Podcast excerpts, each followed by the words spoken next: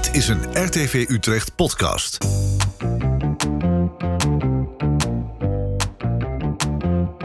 Leuk dat je weer luistert naar een nieuwe aflevering van Stadhuisplein Amersfoort. Uh, ik zit aan tafel met de bekende gezichten, met Erik van der Velde, met Jeroen de Valk, de stad Amersfoort, de stadsbron. Ik werk zelf bij RTV Utrecht, mocht dat nog niet bekend zijn. En we hebben een gast in ons midden, die ga ik zo meteen netjes uh, introduceren. Het is onze uh, nieuwe aflevering waarbij we het vandaag wat meer willen hebben over de bestuurscultuur in Amersfoort. Het is natuurlijk een landelijk onderwerp waar veel over wordt gesproken. In hoeverre slaagt de oppositie erin om haar controlerende taak naar behoren uit te kunnen voeren? Of wordt alles misschien voorgekookt? is er heel veel achterkamertjespolitiek. Nou, landelijk horen we daar veel over, maar hoe zit dat eigenlijk in Amersfoort? Daar willen we het vandaag uitgebreider over hebben.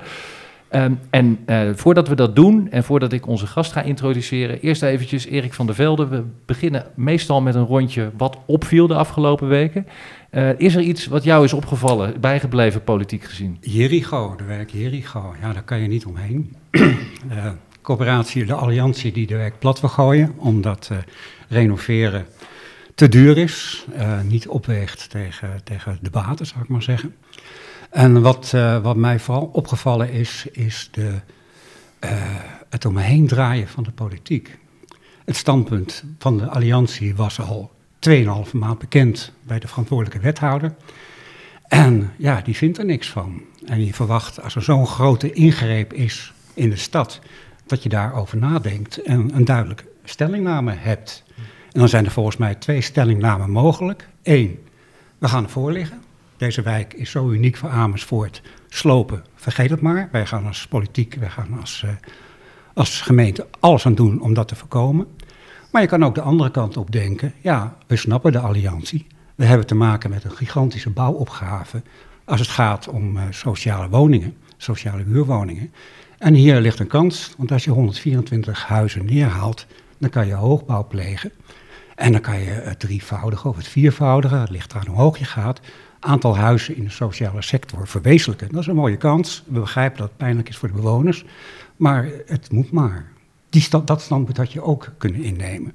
En de politiek, uh, het college neemt geen standpunt in. En ja, daar gaat eigenlijk ook niet. Men draait eromheen, men wijst naar de alliantie, vindt dat uh, de alliantie niet uh, de bewoners goed heeft voorgelicht, op het verkeerde been heeft gezet, maar gaat niet fors ergens zelf voor staan. Dat is mij opgevallen. Goed, nou, er zit hier iemand namens het college, maar dit is niet het terrein uh, van deze, ja, ik mag nog niet verklappen wie het is, doe het nog even spannend, uh, van deze wethouder, dat weten we dan in ieder geval wel. Misschien komt het nog te sprake, we laten het hier even bij. Dank voor jouw beschouwing op dat vlak. Jeroen, wat viel jou op uh, de afgelopen periode? Um, er werd wel terecht gezegd, toen de mensen zo boos waren, ook demonstreerden bij het raadhuis, hè, bewoners van Jericho. Weet je, eigenlijk weten we het al een tijdje, maar laten we nou de alliantie vragen. Die kunnen die dat uitleggen. Waarschijnlijk kunnen die perfect uitleggen waarom ze het willen gaan slopen. En laten we dan onze mening bepalen. Vanavond om 7 uur staat aangekondigd op de. Uh, ja, vanavond, we moeten even erbij vertellen. Deze podcast wordt op uh, dinsdag 5 oktober opgenomen. En uh, als je hem nu luistert terwijl die verschijnt, dan is het inmiddels donderdag. Maar Jeroen refereert dus aan de dinsdagavond.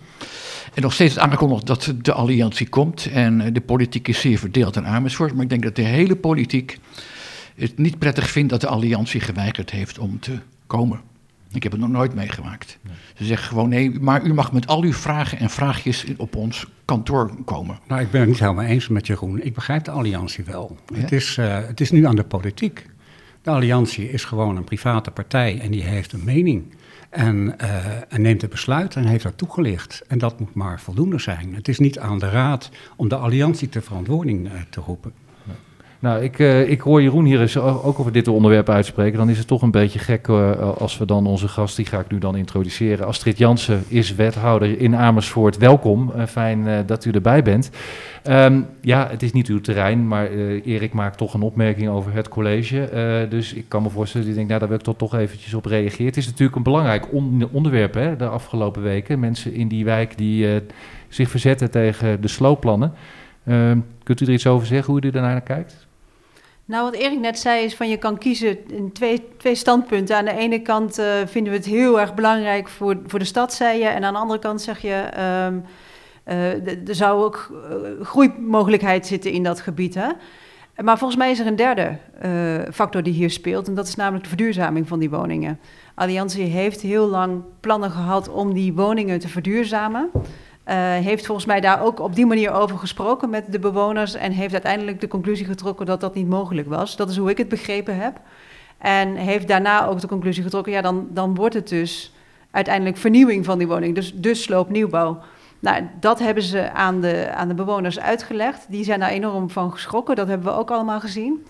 En daar is de raad boven opgedoken. En die heeft gezegd, nou, dat willen wij dan ook wel zien. Wij willen wel snappen wat daar uh, aan argumentatie onder zit. Nou, daarvoor hebben ze de alliantie uitgenodigd.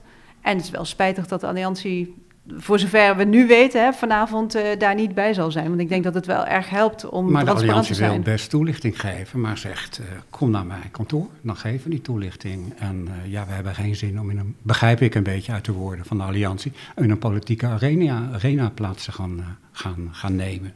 Want ja, wij, wij zijn geen politieke partij. Nee, nou ja, dat, dat, Is, dat is hun argumentatie. Ik denk dat, het, dat, dat ze, als je een goed verhaal hebt, dan moet je er gewoon voor gaan staan. Dan, dan kan je dat uitleggen. Maar goed, dat is een afweging die zij moeten maken. En die hebben zij, uh, die hebben zij ook gemaakt.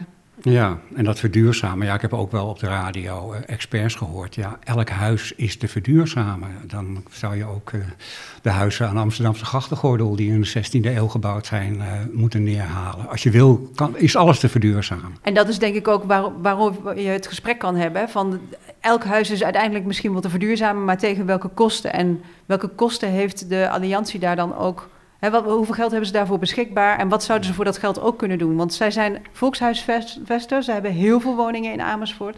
Ze hebben een belangrijke taak in onze stad. Ze hebben ook een hele belangrijke taak om meer sociale uh, huurwoningen te verwezenlijken. Hè. Er is een prestatieovereenkomst uh, voor over afgesloten. En ik kan me zo voorstellen dat voor de Alliantie dit de ideale plek is om aan die eis, om aan die voorwaarden te voldoen. Want de grond is van hunzelf, hè. daar hoef je niet in te investeren. Dus je kunt daar goedkoop, relatief goedkoop, goedkope woningen bouwen. Dus ja, en dat neem ik ook de alliantie wel een beetje kwalijk, of kwalijk, ja, moet ik het zo noemen. Ik heb ook wel het gevoel dat de alliantie een beetje om de hete brei heen draait. Net zoals de politiek, dat eigenlijk achterliggend is. Dit is een kans om die gigantische bouwopgave te verwezenlijken. Zo dicht bij het centrum, op zo'n mooie plek. En dan wordt bij ons 1 plus 1 3. Ja, dat is niet het motief wat er nu volgens mij achter zit. Er ligt ook nog helemaal geen nieuw plan. Dus ik denk, ja, je doet nu een aantal aannames. Stel, ja. stel, je vragen aan de Alliantie en dan kan je ze toetsen. Nou, misschien een goed idee om dat inderdaad bij een uh, volgende opname van deze podcast te doen, want daar valt nog veel meer over te zeggen. Um, dit onderwerp laten we nu even liggen. Astrid Jansen nog even netjes introduceren, want uh, we zijn zeer vereerd uh, u, zeg ik dan maar even, hier als wethouder te mogen hebben. Maar er is meer te vertellen, er is nieuws. Vertel. Ja, ik, uh, ik ben voorgedragen door de kandidatencommissie als kandidaat-lijsttrekker voor GroenLinks. Kijk, ja, geen verrassing misschien, hè, want dat was de afgelopen periode ook zo. Maar in, ook weer wel een verrassing, want uh, u bent een tijdje niet aanwezig geweest om gezondheidsredenen. Uh, dus ja, allereerst ook even de vraag, hoe gaat het met u? Ja, bij mij gaat het op zich nu heel goed hoor. Uh, ik was inderdaad een paar maanden afwezig, twee maanden aan het begin van dit jaar. Uh, ik werd op een ochtend, ik was uh, niet helemaal fit, maar ik werd op een ochtend wakker en was uh, doof aan mijn rechteroor. En nou, dan ga je de hele medische molen in, dan kom je aan de medicijnen en de hele handel. Nou, het slot van het verhaal is, ik ben nog steeds doof aan mijn rechteroor, of bijna doof. maar ik voel me weer een stuk beter. Het is nu vooral wennen aan een nieuwe situatie.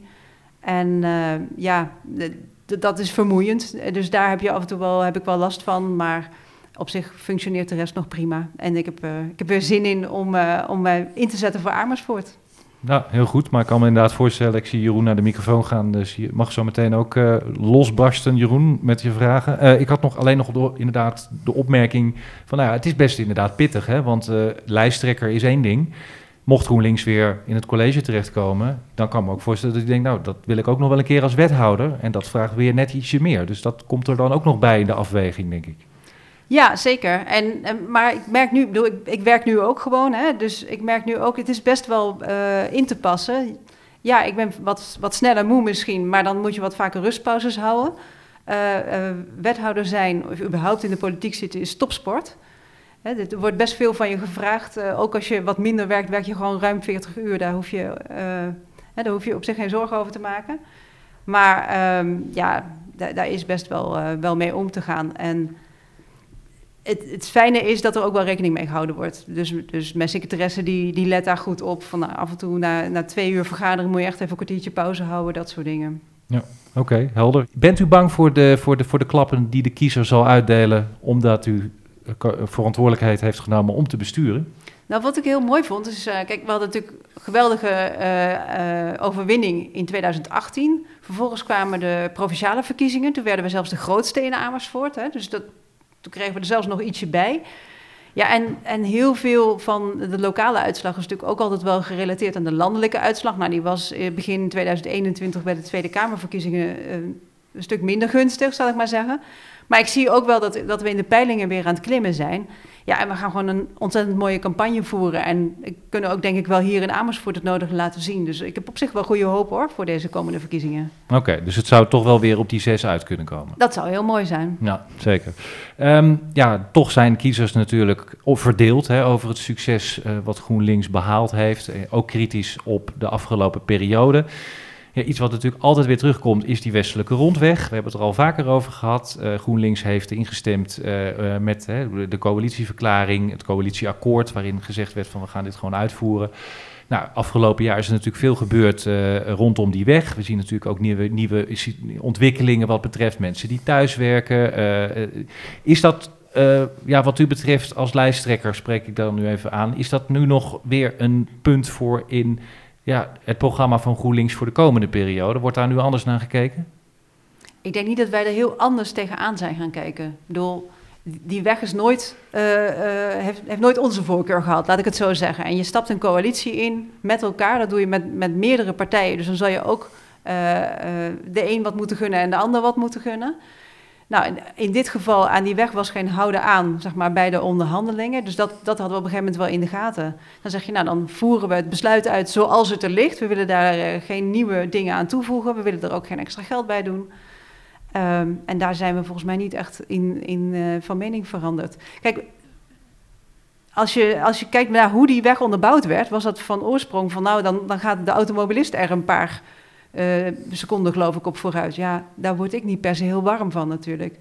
Ik ben wel blij dat er in de loop van de, de jaren wel gekeken is van hoe gaat de fietser erop vooruit? Wat betekent dit voor voetgangers?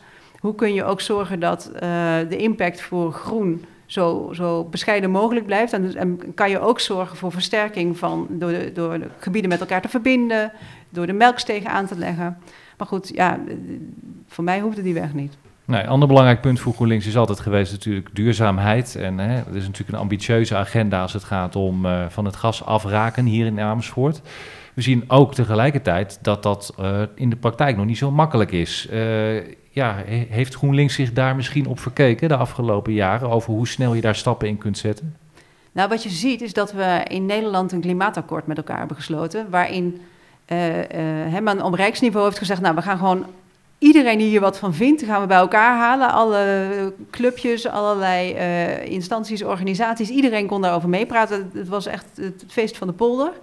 Daar is een akkoord uitgekomen waarin is afgesproken wie doet nu wat. Nou, de gemeentes waren verantwoordelijk, of zijn verantwoordelijk voor de wijkaanpak. Dus wijk voor wijk van het aardgas af. Ondertussen moet er ook geïsoleerd worden. Dat kan je al doen voordat jouw wijk aan de beurt is. En ondertussen gaan de gemeentes ook aan de slag met het opwekken van schone stroom. Maar bij dat klimaatakkoord hoort ook dat je in staat wordt gesteld om dat uit te voeren. En daar komt het Rijk gewoon zijn afspraken niet naar. Dus, dus het geld wat je nodig hebt om daadwerkelijk in die wijken aan de slag te gaan. Want er zit gewoon een tekort op, op zo'n project. Hè, een tekort op de business case, zoals het dan heel mooi heet. Ja, daar hebben we gewoon het Rijk voor nodig. En die, die leunt nog lang, langzaam achterover en denkt, ja, ja, ja, moeten we zo nadenken of we dat wel willen doen. Als ik me goed herinner was met Schotho Schothorst West. Dat zou de eerste wijk zijn eh, die van het gas afkwam. Daar is subsidie voor aangevraagd bij het Rijk en dat hebben jullie niet gekregen. Klopt, Om ja. de andere aanvragen kennelijk aantrekkelijker waren voor het Rijk, beter onderbouwd. Dus dan kan je ook weer de vraag stellen, hebben jullie, het, hebben jullie huiswerk wel goed gedaan? Waarom hebben jullie niet gewonnen? Ja, dat is een, dat is een goeie. Dat lijkt namelijk zo als je denkt van, nou, het is een subsidieregeling, maar het was geen subsidieregeling voor de gewone projecten. Het was een soort innovatiesubsidie waarin het, de, de, de commissie vooral gekeken heeft van hoe vernieuwend is jouw project? Doe je nou iets heel radicaals wat we nog niet kennen in Nederland? En ons project, en dat heb ik later ook teruggehoord van, eh, van de projectleider van die aardgasvrije wijken, hij zei ja, dat is een degelijk project. Dat is, we vroegen ook relatief weinig per woning, als je het zou omrekenen. We hadden gewoon een, een, een opschalingsproject, zou je het moeten noemen. Gewoon een, een project waarin duidelijk is, nou, dit is wat we gaan doen, dit is wat het tekort is. En zo kan je het uh, gaan uitvoeren. En zo kunnen we mensen helpen om van het aardgas af maar te komen. Maar ook een project met een, uh, ja, hoe zeg ik dat, een klein rafelrandje. Want de biogascentrales, daar zou uh, de, de, de, warmte vandaan moeten komen. En de biogascentrales zijn steeds meer onder vuur, is dat een goede beeldspraak, komen te liggen. En ook jullie eigen landelijke partij, Jesse Klaver, heeft zich ervan gedistanceerd. En ja, jij als wethouder heeft er toch aan vastgehouden, aan vast moeten houden, omdat er contracten lagen, begreep ik. Maar dat... Er lag een vergunning, hè? dat is ja. wel belangrijk. Er lag, uh, kijk, biomassa, daar vinden we nu van alles van, en daar vind ik ook van alles van, maar tijden was dat voor, binnen het Nederlandse klimaatbeleid, vond men dat een geaccepteerde bron, vond men dat een goed idee. Uh, dus daar heb je het al mee te doen. Op een gegeven moment zijn we daar anders over na gaan denken. Van, vinden we dat nou wel een goed idee? Dus hebben we in Amersfoort al gezegd, nou, uh, we gaan in ieder geval zorgen dat er geen nieuwe meer kunnen komen. Dus we hebben uit het bestemmingsplan het eruit gestreept dat iemand daar nog een nieuwe biomassacentrale kan, uh, kan starten. Maar met de vergunning die verleend is, ja, hoe kunnen we daar nou op de beste manier mee omgaan om het zo, zo duurzaam mogelijk te maken? Dus we hebben gekeken naar de uitstoot. Nou, daar hebben we afspraken over weten te maken met het warmtebedrijf. We hebben gekeken naar de herkomst van de biomassa. Dat, dat gaat trouwens niet om pellets, dus dat zijn niet van die stukjes van dat geperste hout, maar het gaat om shreds. Dat is echt van dat gehakselde hout, resthout van, van uh, uh, snoeien en dat soort dingen, snoeiafval. En we hebben gekeken uh, naar de, de, tijdelijkheid, van ho hoe lang heb je dit dan nodig en hoe snel kun je ervan af? Nou, daar hebben we eigenlijk allemaal afspraken over weten te maken met het warmtebedrijf. En zo hebben we dus een bron waarvan, ja, die was er nou eenmaal. En daar had je het mee te doen. We gekeken hoe, kunnen we dat kantelen, zodat we daar toch nog op een duurzame manier mee om kunnen gaan. En wel gericht op uiteindelijk een andere bron, bijvoorbeeld aardwarmte. Maar ja, de, toch de keus, de eerste keus, afhankelijke keus voor de biogascentrales is niet het argument geweest uh, om, uh, om niet uh, bij de winnaars te horen. Nee, die heeft daar in principe niks mee te maken. Nee.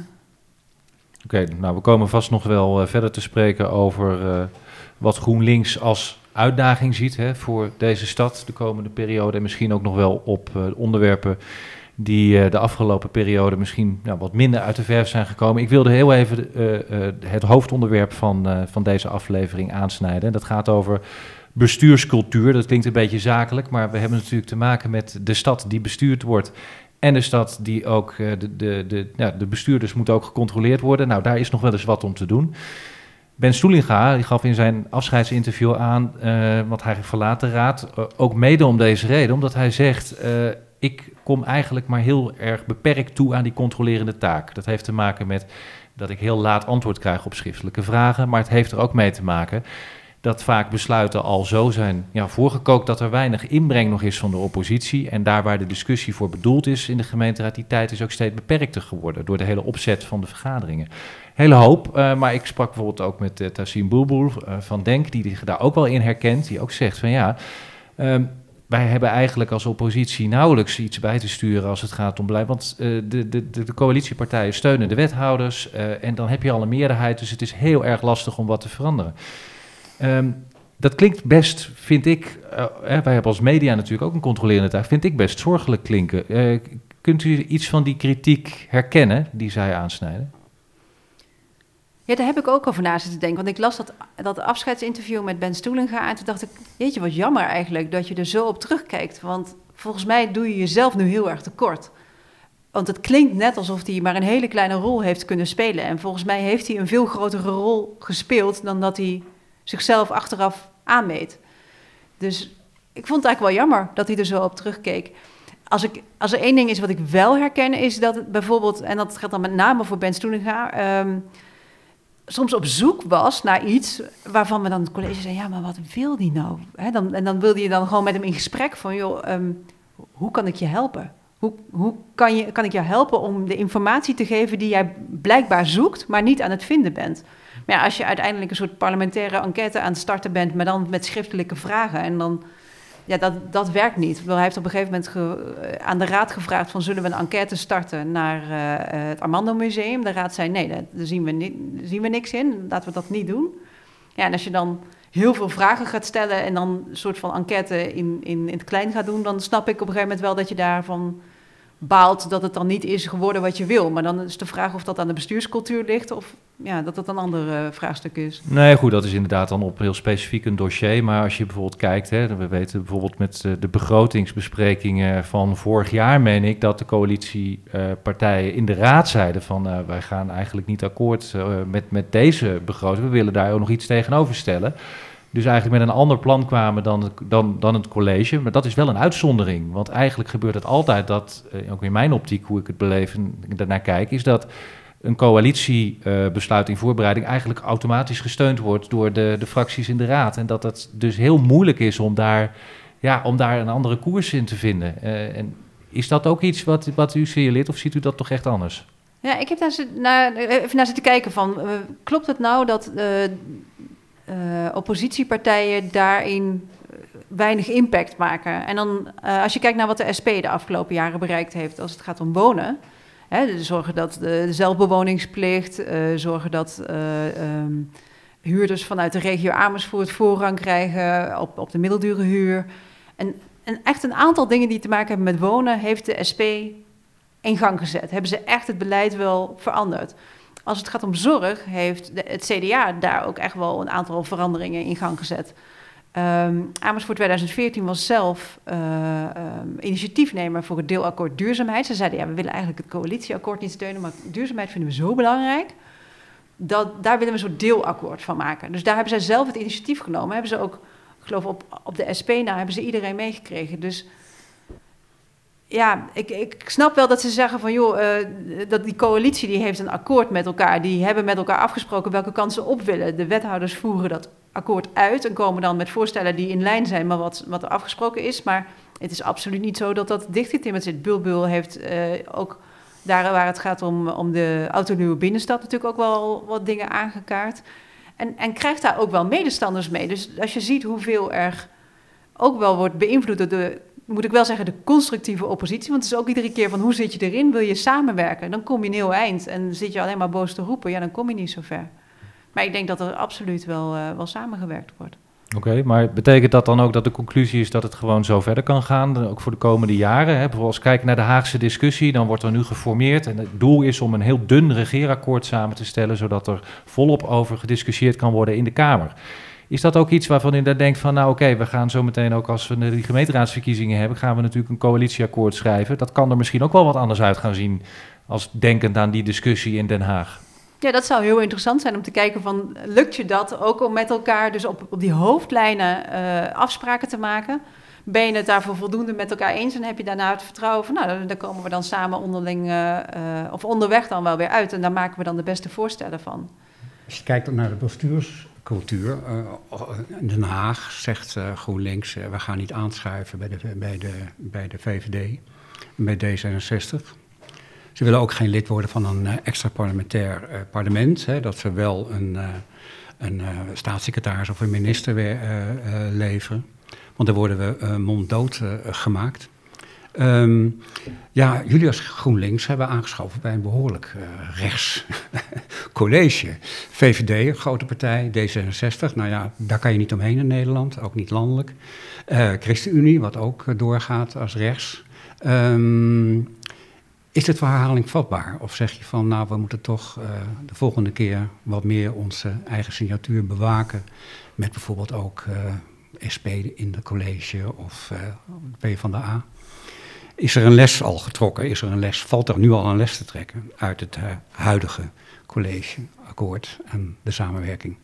Nou, als je naar het, college, of het coalitieakkoord kijkt, dan zou ik zeker niet zeggen dat het een rechtscoalitieakkoord is. Ik denk dat dat echt een heel mooi gebalanceerd akkoord is, waar ook heel veel groen, heel veel duurzaamheid, maar ook wel de nodige sociale dingen in zitten. Dat we ook juist op sociaal, denk ik, ons gezicht uh, goed hebben kunnen laten zien.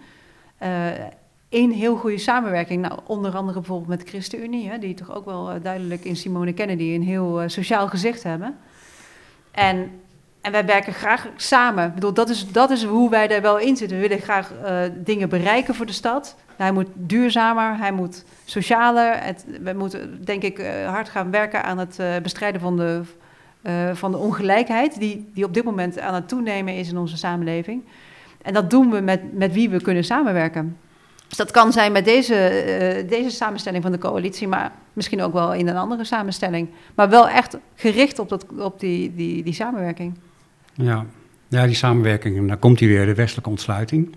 Uh, dat staat voor meer in Amersfoort dan een stukje asfalt. Hè. Het, uh, het, is, het is symbool eigenlijk van een niet-groen denken, een, een ander soort denken. Het staat voor meer. En uh, ja, jullie hebben daar geconformeerd en jullie eigen achterban heeft dat ook zeker. Uh, ik lees Twitter er maar op na en lees social media op na. Jullie dat kwalijk genomen hebben, dat uh, onbegrijpbaar, niet, niet, te begrijpen gevonden.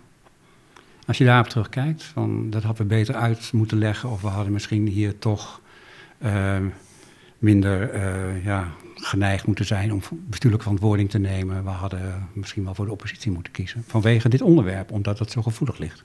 Nou, wat je, klopt, wat je zegt klopt denk ik wel. Van het is een soort symbool geworden voor een aantal mensen. Hè? Van het, is, het is veel groter geworden dan, dan het uiteindelijk is. En ik denk dat het goed is om ook wel weer terug te brengen naar zijn proporties. Van wat is het wel en wat is het niet.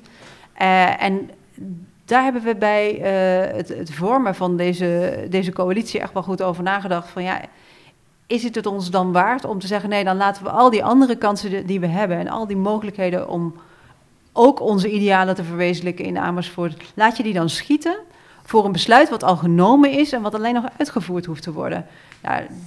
Dat, dat was het voor ons niet waard. Juist omdat je het niet als symbool moet zien, maar uiteindelijk terug moet brengen naar dat, dat wat het daadwerkelijk is. Ja, maar om een groot woord te gebruiken, het gaat over geloofwaardigheid. Jullie hebben bij jullie eigen achterban een deel van de geloofwaardigheid uh, daardoor verloren. En dat had je misschien wel kunnen inschatten dat het zo zou zijn. Nou, als dat zo was, dan waren we niet bij de provinciale statenverkiezingen vervolgens de grootste partij van Amersfoort geworden. Dus ik denk dat dat, ja, dat, je, dat, dat ook je ook niet altijd op Twitter moet afgaan, want dat is uiteindelijk ook een overzichtelijke groep twitteraars.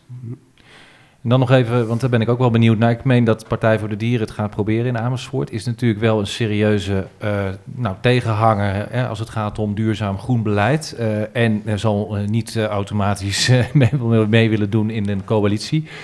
Dus dat houdt jullie denk ik ook scherp. want dat betekent dat je je eigen verhaal extra op orde moet hebben. En dat je een deel van die kiezers pro probeert binnen te, ja, te halen. Nou ja, ik ben heel blij dat de Partij van de Dieren meedoet. Want hoe meer mensen op groen, hoe beter.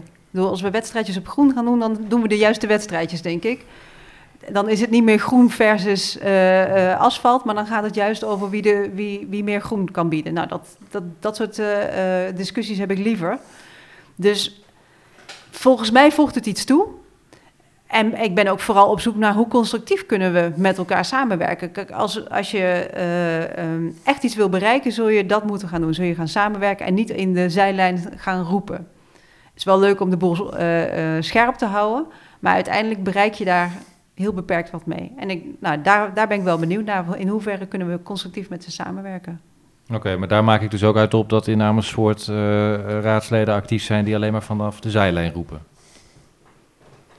Nou ja, dat is, een, dat is een risico wat je altijd loopt. En ik heb tot nu toe, uh, um, als het gaat om de Partij van de Dieren, natuurlijk vooral gehoord: we zijn hier tegen, we zijn daar tegen. Ze willen zelfs de, de dierentuin sluiten, heb ik begrepen. Nou ja, dan, dan vraag ik me af, wat wil je dan wel? Wat zullen we dan wel gaan doen? Want als je alles op slot zet in Amersfoort, dan kunnen er dus ook geen woningen gebouwd worden. Ja, we hebben ook daar een probleem om op te lossen wat op gespannen voet staat met de duurzaamheid. Dat zijn twee dingen die uh, niet zo logisch in elkaars verlengde zijn.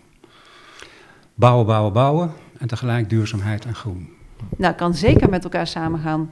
Kijk, we hebben. Um, maar, maar, dat gaat niet vanzelf. En dat, dat ben ik wel met je eens. Dus je moet echt goed nadenken van hoe doe je dat? We gaan compact bouwen, we gaan de hoogte in. Ik weet dat jij daar van alles van vindt, uh, Erik. Maar als je dan goed nadenkt over de leefbaarheid ook op straat, zorgt dat er voldoende groen is en dat er misschien ook wel minder auto's zijn, ja, dan, dan denk ik dat je, dat, dat je Amersfoort echt op een goede manier kan, uh, kan laten groeien. En dat we ook voor die middenklasse aan inkomens, want die komen op dit moment niet aan een woning in Amersfoort, uh, dat we daar woningen voor kunnen toevoegen.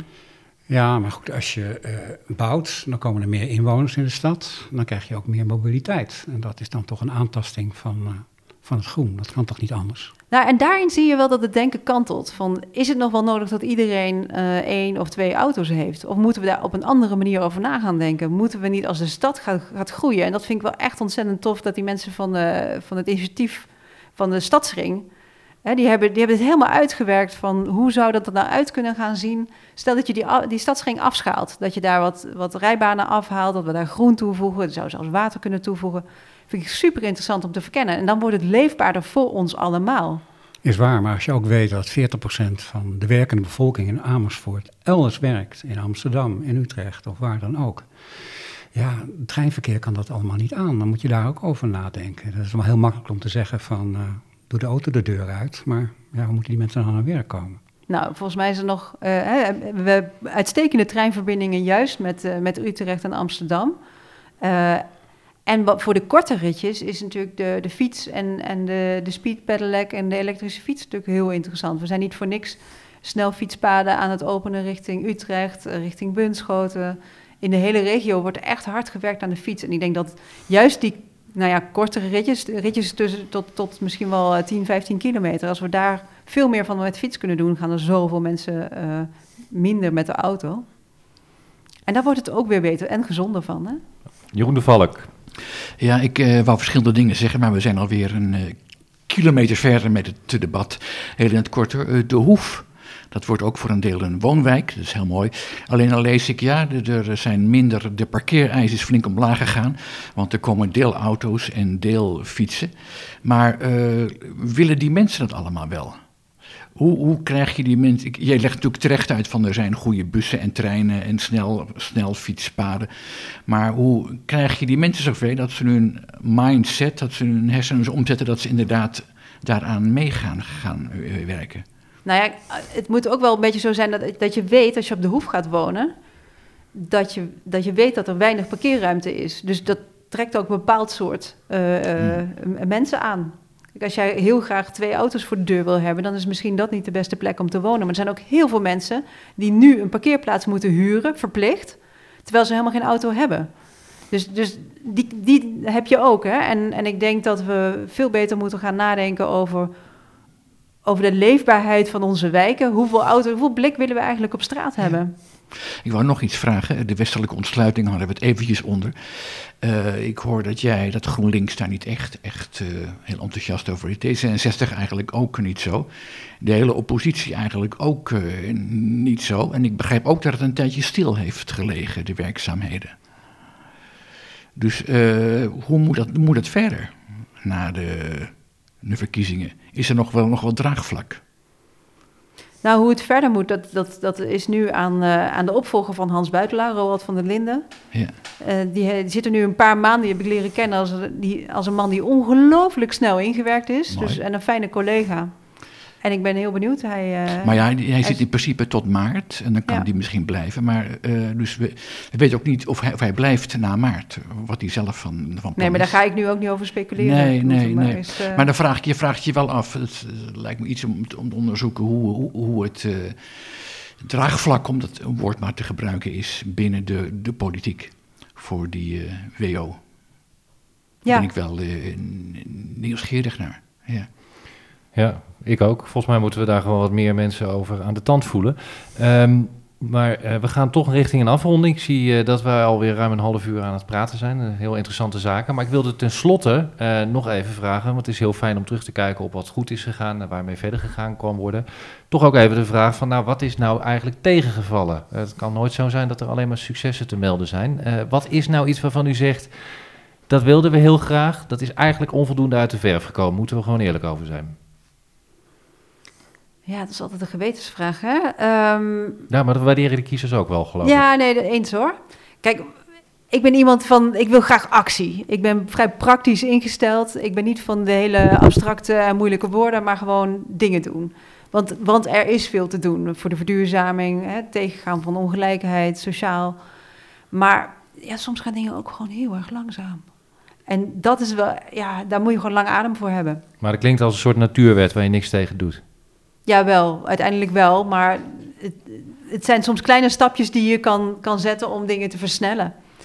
En, ja. Waardoor dingen langzaam gaan, en uh, is hij weer, is ook wel vanwege de participatie. De inspraak van, uh, nou ja, ook um, buitenparlementaire groepen zoals de SGLA, die naar de rechter gaan. dat maakt het ook allemaal stropig en dat heb je niet aan de hand. Dus ja, elke partij zegt dat, dat participatie prachtig is en dat we dat vooral moeten stimuleren. Maar het heeft ook een andere kant. Heb je die ook gevoeld? Dat het ophoudt. Ja, het heeft ook een andere kant, maar het heeft ook, en dan kom je ook wel weer bij bestuurscultuur uit. Um, heeft ook te maken met hoe je met elkaar omgaat en begrijp je elkaar. Een van de dingen die ik heel, waar ik echt werk van gemaakt heb, is van die participatie. Daar ga ik zo nog wel iets over vertellen. Maar ook van de relatie tussen het gemeentehuis en de SGLA. Want toen ik vier jaar geleden als wethouder begon, was dat, ja, kan je afvragen of er überhaupt nog sprake was van een relatie. En het eerste, een van de eerste dingen die ik gedaan heb, is ook gewoon een kopje koffie gaan drinken met Peter Lange. En gezegd, joh, ik wil jou beter begrijpen. Ik wil beter begrijpen waarom jullie zeggen wat je zegt en waarom je doet wat je doet. En kunnen we elkaar hè, gewoon ja, beter leren kennen. En daar hebben we de afgelopen jaren, zijn we uh, eens in het kwartaal of zo, dan, dan zien we elkaar en dan... En dan bespreken we dingen met de benen op tafel. Gewoon om te begrijpen waar zij mee bezig zijn. En zo kan je elkaar ook tegemoet komen. Dat is één ding. Dus gewoon aan relaties werken is denk ik heel erg van belang. En aan de andere kant, als het gaat om participatie. Toen ik begon als wethouder, was er bij elke RO-project was een heibel. Het was altijd was een gedoe. Uh, dat kwam ook omdat de raad eigenlijk pas op een heel laat moment werd betrokken, als het bestemmingsplan er lag. En dan kon de raad stikken of slikken. Nou, dan, en dan was het zo dat de coalitie dan over het algemeen zei: ja, nou, nou dat vinden we niet zo'n goed idee. Eh. Maar ja, het moet dan maar, maar het verdient niet de schoonheidsprijs. Dat was ongeveer de, de frase die er elke keer bij kwam. En waar, ik veel werk van gemaakt heb, is die participatiegids. Zorgen dat we niet pas aan het eind die, die inwoners erbij horen en dat de raad er dan wat mag van winnen. Nee, dat je veel eerder in het proces van elkaar weet van hoe zit iedereen erin, wat, zijn, wat is hier van belang om rekening mee te houden, maar wat is ook het algemeen belang. Want het kan niet zo zijn dat het alleen maar het inwonersbelang is of alleen maar het algemeen belang, dat je die, dat je die weegt. Uh, en wie is er wanneer aan de beurt? Nou, dat heeft de participatiegids opgeleverd. En daar doen we nu ervaring mee op. Nou, dat kan qua implementatie natuurlijk altijd nog weer wat beter. Maar ik denk dat ons dat zeker wat heeft opgeleverd. Dat wil niet zeggen dat er nooit meer heibel is. Hè? Dat, dat, dat is ook niet altijd te voorkomen. Maar ik denk dat het zeker uh, verbeterd is. Absoluut. Astrid Jansen, dank voor uh, de komst. Uh, ja, het feit of u lijsttrekker wordt, ja of nee, wordt niet zo spannend als de verkiezing tussen Hugo de Jonge en Pieter Omtzigt destijds. Misschien ook maar beter, want dan kan het ook niet misgaan technisch. Want u bent op dit moment de enige kandidaat. misschien meldt zich nog iemand, maar als dat niet zo is, dan is het een kwestie van de leden die het bekrachtigen door u uh, ja, daadwerkelijk dat mandaat te geven, toch? Ja, dat klopt. Op 13, okay. uh, 13, november is de algemene ledenvergadering en dan zal de lijst worden vastgesteld. Mag ik in het algemeen nog zeggen dat ik het een hele goede ontwikkeling vind als een lijsttrekker ook uh, kandidaat is voor wethouderschap. Dat duidelijk is. Ja. Dat, want dat gebeurt natuurlijk heel vaak, hè, dat iemand dan lijsttrekker is. En je kiest bijvoorbeeld, nou de naam is al gevallen, Simone Kennedy. En dan komt er plotseling iemand anders uit de hoek die in het college gaat zitten en namens jou kiezen aan de knoppen gaat draaien. Of iemand uit een hele andere stad wordt ingevlogen met een heel andere achtergrond, die helemaal niks van Amersfoort weet, helemaal moet zich inwerken, aan de knoppen gaat zitten. En uh, ja, bij GroenLinks is in ieder geval zo dat je weet wie je krijgt en iemand die de dossiers kent en ervaring heeft. En waar je ook gewoon wat van kan vinden als je de politiek uh, goed hebt gevolgd. Nou, daar hebben we wat van gevonden. Dus uh, dank uh, voor de uh, bijdrage in deze discussie. Je kunt je abonneren op deze podcast via je favoriete podcast aanbieder. En ik dank je voor het luisteren. Tot volgende maand.